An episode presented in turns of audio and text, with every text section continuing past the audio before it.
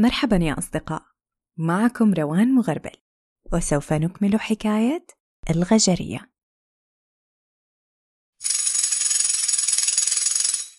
تبدأ القصة مع أمير عرف بقوة يديه وطلاقة لسانه وحسن وجهه فله عينان سوداوان كأنهما ليلة قد خلت من القمر والأجرام وعنده ثغر إذا فرح وتبسم ترين اللؤلؤ مصفوفا به. ومع كل هذا الجمال والبهاء كان من حوله من الأمراء يعيبونه على شيء واحد وهو لون بشرته الغامقة. وكان هذا الأمير احمقا يتحسس ويكره عندما يعيبونه بذلك. فقرر أن يتزوج أشد الفتيات بياضا في مدينته. ولا يهمه إن كانت حمقاء أو بلحاء أو كانت طويلة أو قصيرة نحيلة أو سمينة فقط يريدها هي واللبن أن يتعاركا فيما بينهما من أشد بياضا من الآخر. ويبدو أن الحظ كان ينام عند قصره. فبعد بحث طال لعدة أسابيع وجد فتاة تدعى نبل لها مرسم لطيف وبشرة بيضاء فتزوجها. وأنجب منها ثلاث أمراء يشبهون والدهم بمرسم ولون والدتهم. وأنجبت أميرتين تشبهان والدتهما تماما. كانت نبل سعيدة بزواجها وجمال أطفالها إلى أن حملت وأنجبت أميرا يشبه لون بشرة والده.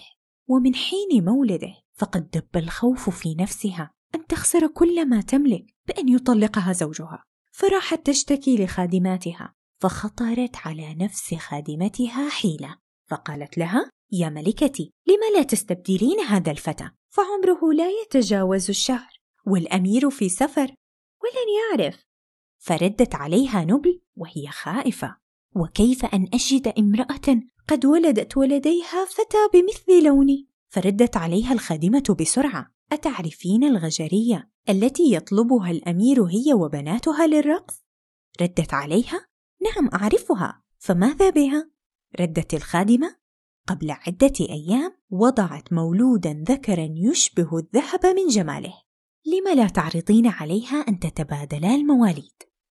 ردت عليها نبل بسخرية وهل تعتقدين أنها سوف تبادلني ابنها الذي يشبه الذهب بابن الذي يشبه الفحم؟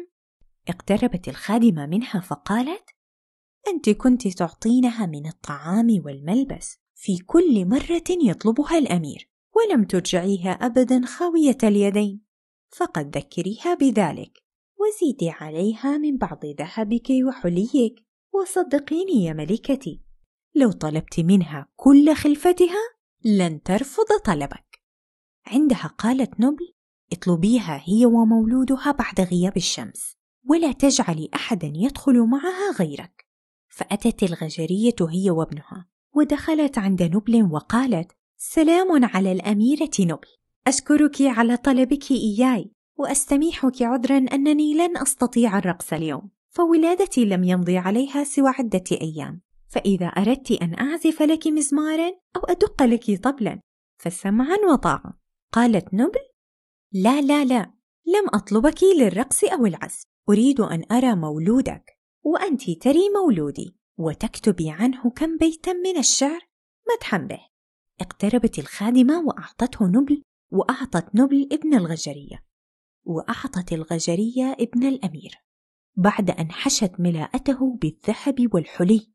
فقالت نبل يا لجمال هذا الفتى إنه حقا يشبه الذهب واللؤلؤ وأنت ما رأيك بابني؟ نظرت إليها الغجرية وإذا هو لا يشبه نبل بأي شيء ولا تعرف هل تصف لون بشرته أم تصف شكله. فصمتت ولم ترد. فقالت نبل أعرف لما سكت.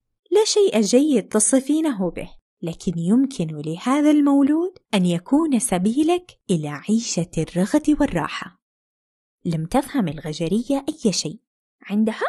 وقفت نبل وأمسكتها وجعلتها تجلس بجانبها وقالت في كل مرة تطأ قدمك عتبة هذا القصر لا أرجعك خاوية. وفي كل مرة ترقصين بها ترجعين بكل ما طاب من المأكل والمشرب. والآن إذا وافقت على ما أقوله كل ما يوجد في ملاءة هذا الفتى لك وأي شيء تطلبينه سوف يرمى عند قدميك. كل ما أريده أن تعطيني ابنك وأن تأخذي ابني. وقفت الغجرية ووضعت الفتى في حجر نبل وقالت كيف أتجرأ أن آخذ ابن الأمير وأجعله ابني؟ وأن يتربى ابن غجرية مع الأمراء.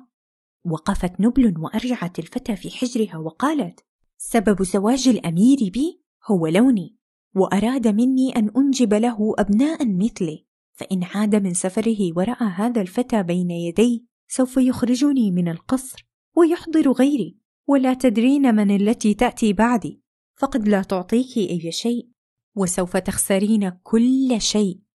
فقط افعلي ما قلت وأعدك في كل سنة أن أعطيك ملء الملاءة التي بين يديك ذهبا. فقط وافقي. فقالت الغجرية